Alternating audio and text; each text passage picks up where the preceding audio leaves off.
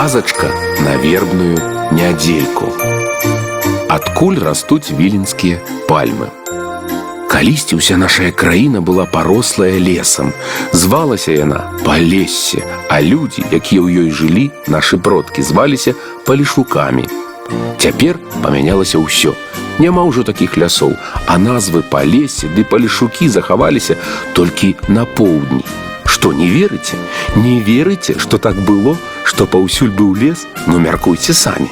Даўней, як толькі народзіцца чалавек, дык адразу ў лес і бягуць. Трэба з дрэва калыску выйдзе ў пці. А падрасці дзіця само ўжо майструе сабе цацкі дзераўляныя. Зрэзаў дубца, асядлаў вось табе і конь. Зрэзаў другога, пакорпаўся, вось і свісцёлка. Вырасце чалавек, з чаго хату сабе будаваць будзе? З дрэва. Захоча есці, куды ідзе у лес, тут і грыбы, і ягоды, і дзічына, і нават сок бярозавы. Абед згатаваць трэба дровы. А лыжкі ж таксама даўней з дрэва рабілі. Так вось чалавек колись з лесу і жывіўся. І нават як памрэ труну з дрэва рабілі, а на магіле драўляны крыж ставілі. Усё з лесу было. А паколькі лес для нас так многа значыў, прыдумалі мы для яго столькі назваў і бор, і гай, і дуброва, а яшчэ пушча, чашча, ельнік, хвойнік, бярэзнік, альшэўнік. Во якія даўней лясы былі. І былі яны нязводныя. Адно дрэва з лесу забіраюць, а на ягоным месцы новае вырастае. Але аднойчы папсаваліся людзі і ўзялі моду лес за мяжу прадаваць ды нажывацца. Сталі дрэвы высякаць па рэках сплаўляць за мора, абы толькі грошай сабе паболей у кішэню напхаць. І так узяліся, што ледзьве не ўсе лясы ў нашым краі пазводзілі. Тады разумнейшыя людзі пачалі думаць, як жа з гэтай бядой змагацца. І знайшоўся адзін смелы чалавек, стары палясоўшчык, які сказаў: « Пайду я ў вільню да вялікага князя, і ён гэтае бясчынства спыніць ён мяне паслухае. Так цябе князь і паслухае, пасмяяліся з яго навокал. Хай толькі не паслухае, атрымае ад мяне дубцом па азадку, адказаў стары палясоўшчык. Ого, дадумаўся вялікаму князю дубцом па азадку. А вось пабачыце, ведаю я адзін сакрэт.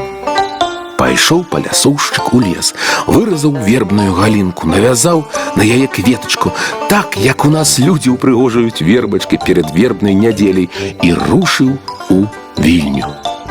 Ішоў ён доўга, ішоў праз усю нашу краіну. І калі на начлег прасіўся, усім расказваў, куды і чаго ён выправіўся. І паўсюль яго людзі прасілі, каб ён і за іх лясы заступіўся. А каб не забыўся, да ягонай кветачкі на вярбе сваю кветачку дадавалі.